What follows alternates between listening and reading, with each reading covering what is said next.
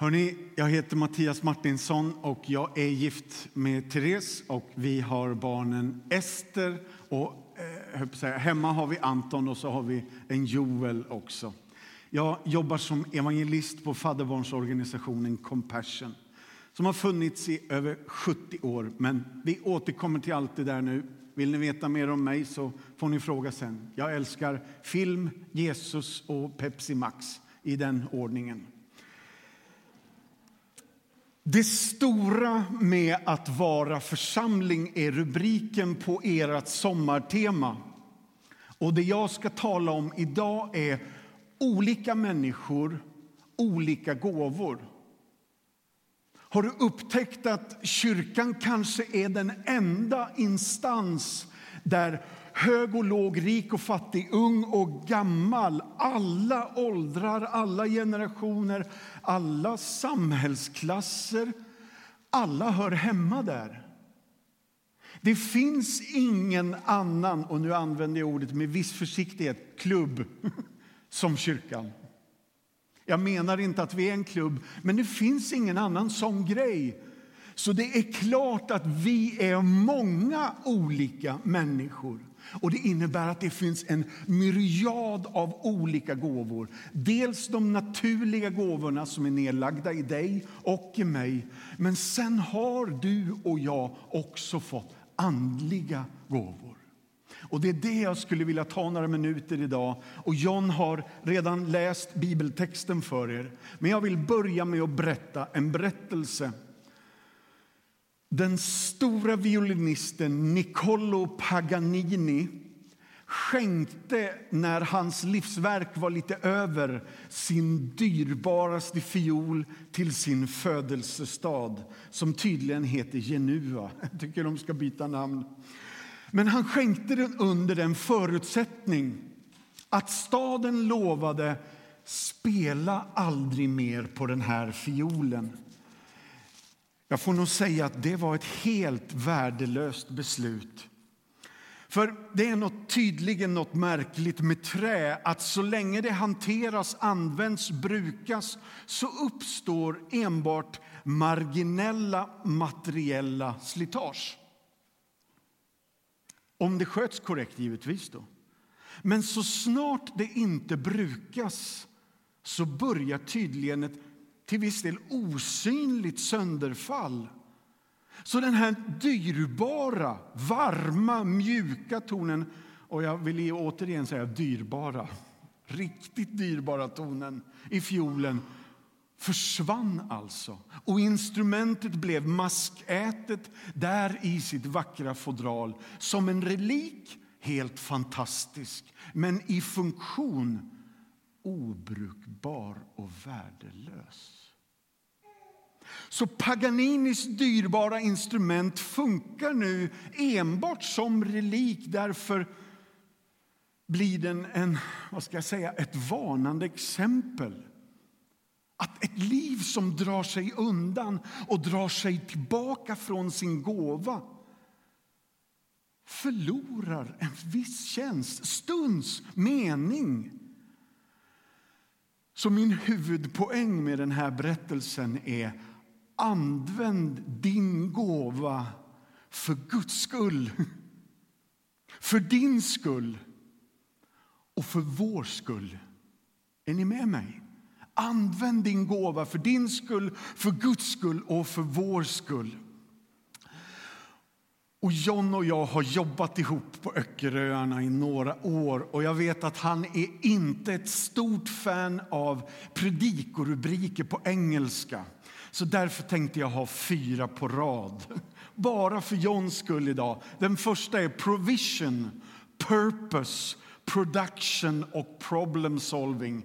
Ni hör ju att det här, var, det här gick ju bara inte att översätta, men grattis John. Provision, purpose, production, problem solving. Fyra punkter nu då. Punkt nummer ett, provision. Att Gud har försett Gud har alltså redan gett gåvor till sin församling och din och min uppgift är alltså enbart att upptäcka din gåva och för allas vår skull fungera i den. Men var och en av oss har fått nåden så som Kristus fördelade gåvorna.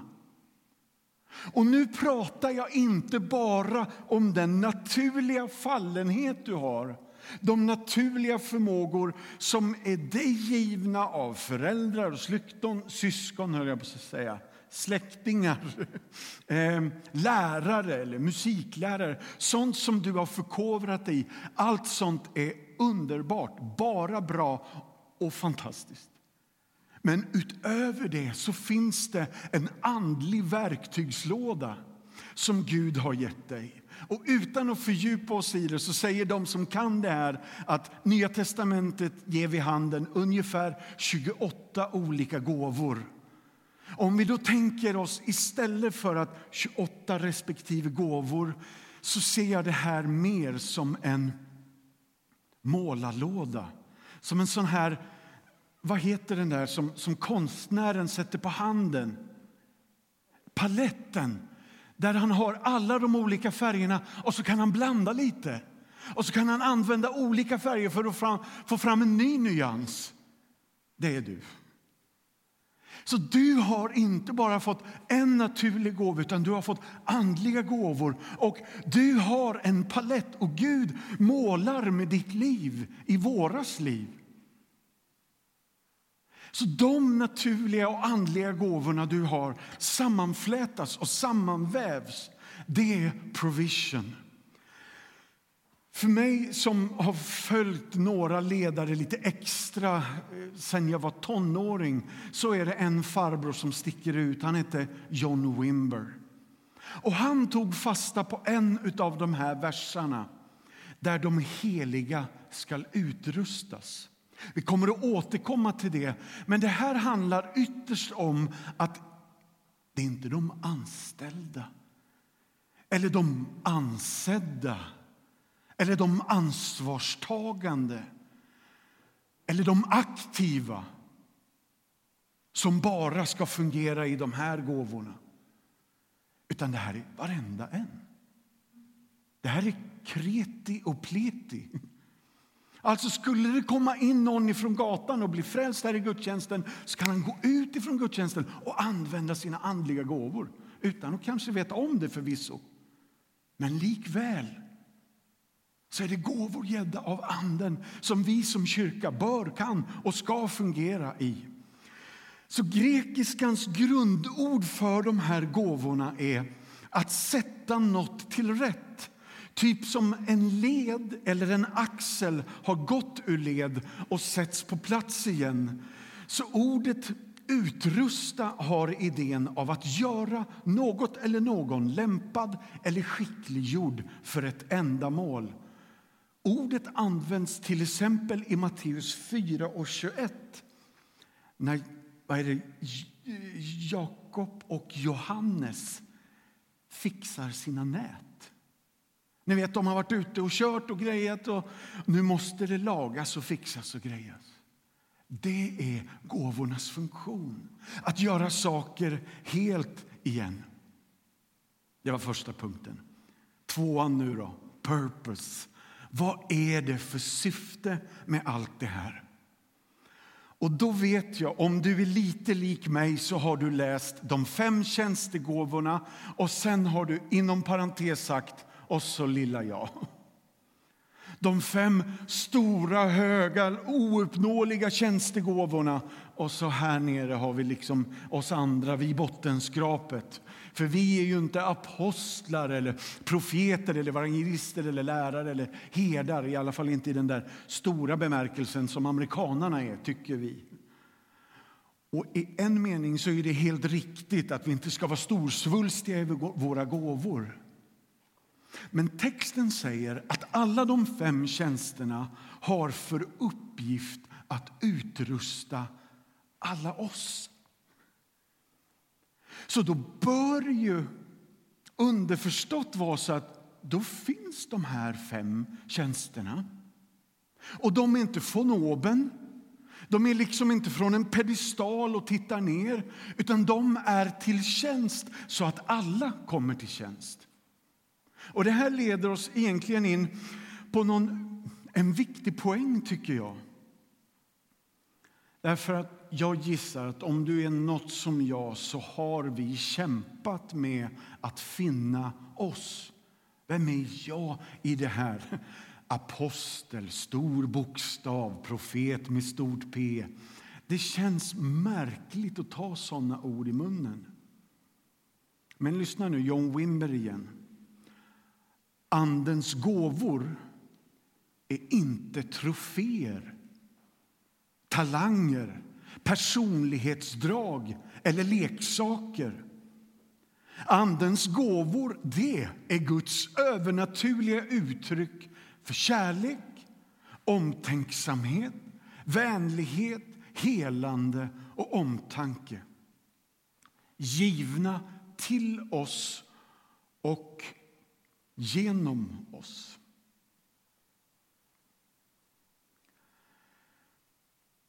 Så det är inga medaljer. Det är inte för att vi ska bli för mer, utan för att helt enkelt vi ska bli fler. Kyrkan blir större när var och en av oss fungerar i Andens gåvor. Så min fråga, någonstans i mitten av det här nu då, hur tänker du dig att den helige Ande ska ge oss vanliga, utanför mötestiden människor nåd att fungera i den här tjänsten och utvidga Guds rike bland andra i sommar. Bara tänk dig om du och jag börjar tänka lite mer på att de här fem tjänsterna är i funktion och på något sätt har de för uppgift att sätta oss alla i funktion. Inte att någon är för mer, utan det kan om möjligt vara så att jag har, eller du har, en lärargåva eller att någon av er har en profetisk gåva som växer till en profetisk tjänst. Men någonstans måste allt börja och därför vill jag berätta en berättelse för er nu.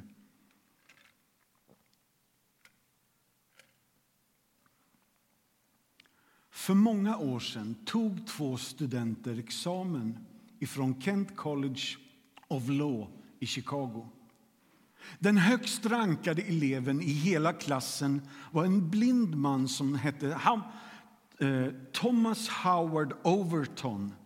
Och när han fick sitt hedersomnämnande inför skolan så insisterar han offentligt på att hälften av hans ära och anseende och cred egentligen ska gå till hans vän Stanley A. Kasproshark. Och den vännen hade inga armar. De hade mötts i skolan när den armlöse Kasproshark hade guidat den blinde Mr Overton nerför trappan. Väl nedanför trappan så kan inte Kasproshark, vad han nu heter då, då kan inte han vrida om dörrhandtaget. Men det kan Overton. Lyssna nu då. Han blev mina armar och jag blev hans ögon. Deras bekantskap djupnade till en vänskap och är ett vackert exempel på ömsesidigt beroende. Den blinde mannen bar deras gemensamma studieböcker som den armlöse mannen högläste ur och därmed kompenserar de varandras individuella begränsningar. Efter examen så startar de advokatfirma tillsammans. Ingen troende klarar sig själv. Vi är alla lite blinda, halta, lytta och vi är i stort och ett strängt behov av varandra och Guds andes ingripande. Punkt nummer tre nu då. Produkt. De fem tjänsternas enda funktion är att sätta andra i funktion och leda rätt därför att alla troende har fått en helig Andes personliga uppdrag och en specifik tjänst. Så de fem tjänsterna har för uppgift att utrusta de heliga till att fullgöra sin tjänst att bygga upp Kristi kropp. Nu är vi framme vid det som jag kanske tycker är viktigast. När vi tänker på de fem tjänsterna så blir det alldeles för abstrakt och för högt och för stort. Omöjligt på något sätt. Men här ser vi att deras enda funktion är att sätta oss alla i funktion. Så de har inget egenvärde i sig, utan deras funktion är att sätta oss i funktion. Och när jag, Eh, när jag tog lite tid och bad inför den här gudstjänsten idag så såg jag två, jag måste erkänna, ganska märkliga bilder. I alla fall den ena. Den första tror jag du är helt med på. Eh, bilbatteriet tar slut. Någon annan på parkeringen har två kablar, startar sin motor och vi kopplar på och det kickar igång. Jag vet inte om man kan göra så här nu för tiden med nya bilar, men när Moses gick i shorts och ja, ni fattar. Jag tror att Gud vill i ditt liv, du som tittar eller du som är här. Jag tror att Gud vill kicka igång flera gåvor som finns redan i ditt batteri. Och Den andra bilden är ännu mer dramatisk. För I morse när jag bad en bön så såg jag ett sjukhus och såna där paddlar som läkarna har, i alla fall på filmerna jag ser. Där de liksom, oj, nej patienten är, är, är död. Där. Ja, men vi testar och så har de ett, ett, en bröstkorg uppe där och så tar de de där paddlarna och lägger mot hjärtat och så säger de, eh, nu backar alla. Och så kutschum! Jag tror att Gud verkligen vill blåsa liv i din nådegåva.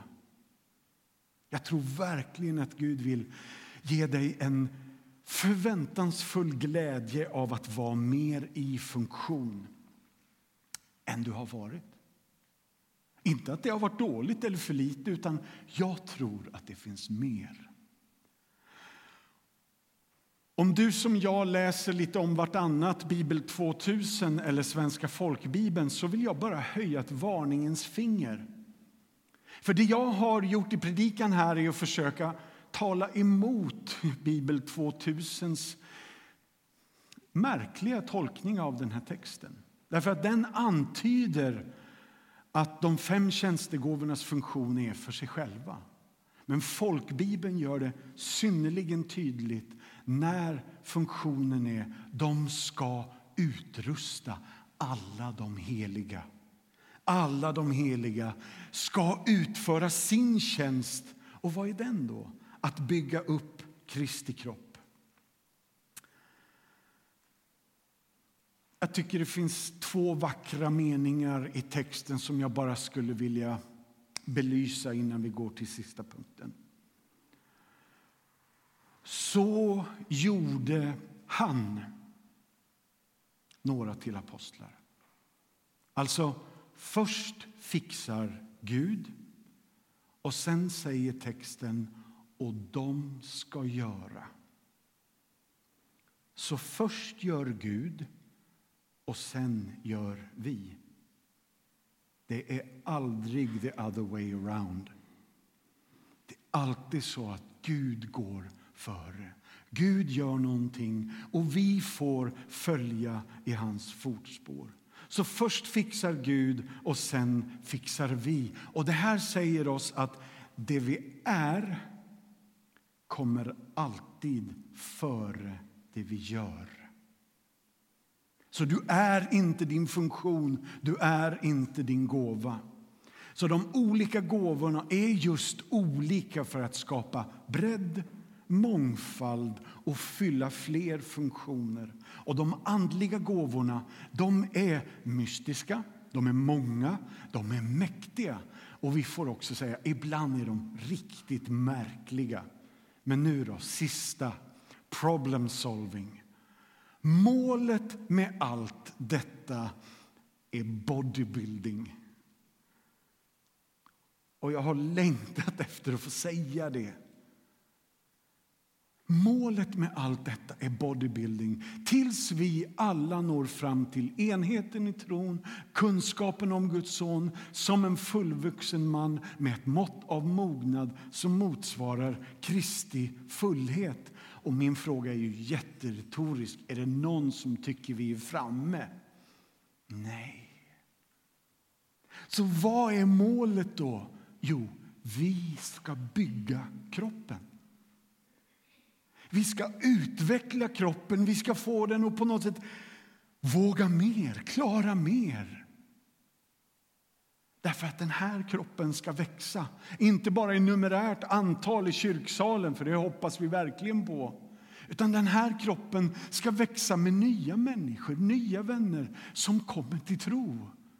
Och så växer de in i sin gåva, sin tjänst, sin funktion av att vi på något sätt leder in dem, lockar in dem, uppmuntrar dem via den här boken att komma till tjänst.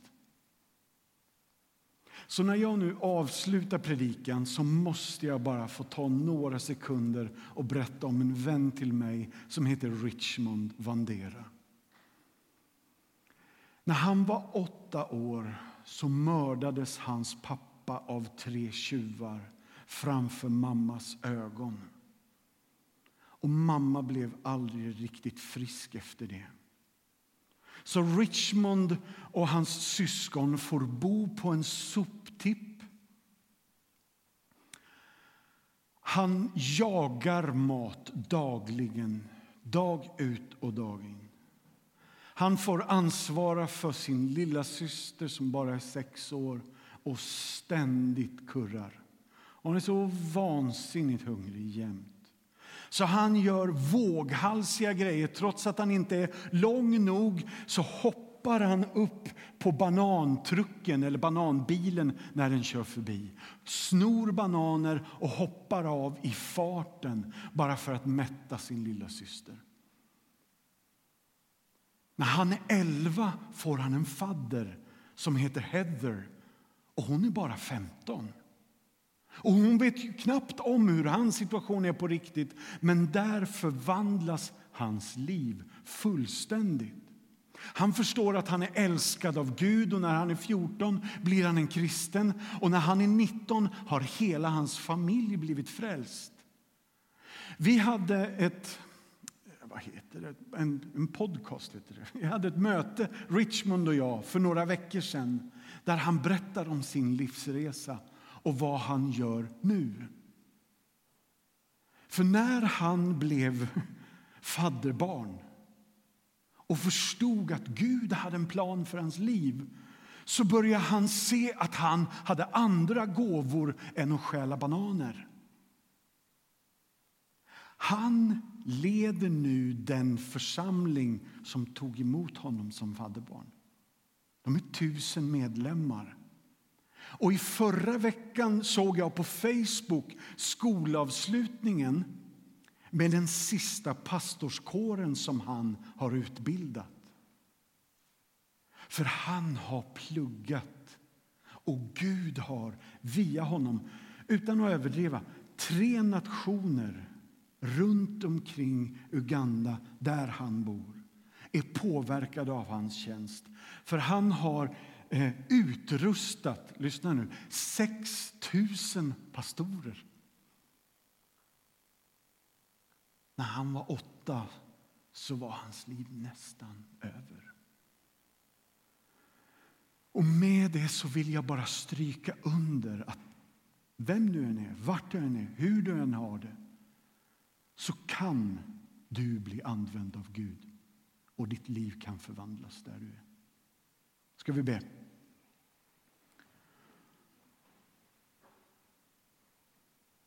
Tack gode Gud för Efesierbrevet 4 som ger oss både uppmuntran och hopp och tröst och kanske ny tro vi ber om ny nåd i den tid som vi går in i. På ett sätt går vi in i sommar och kanske lite välbehövlig vila. Men kom, heliga Ande, i den vilan. Utrusta oss för tjänst så att vi kan vara andra till hjälp och välsignelse. Låt de naturliga gåvor som är nedlagda i oss sammanflätas och sammanvävas och fungera ihop med de Andens gåvor som vi har fått. Hjälp oss att se mer. Vem är det du har skapat mig till att vara? Och finns det något mer du vill att jag ska göra, uträtta, fullborda? Herre, då får du ge oss den nåden, inspirationen och det hoppet som vi behöver för att det ska bli möjligt. Så låt ditt verk, fyllt av den helige Ande, använda oss till våra vänner, grannar, släktingar, de som vi badar med bredvid på bryggan. Använd oss för dina syften, Herre. I Jesu namn. Amen.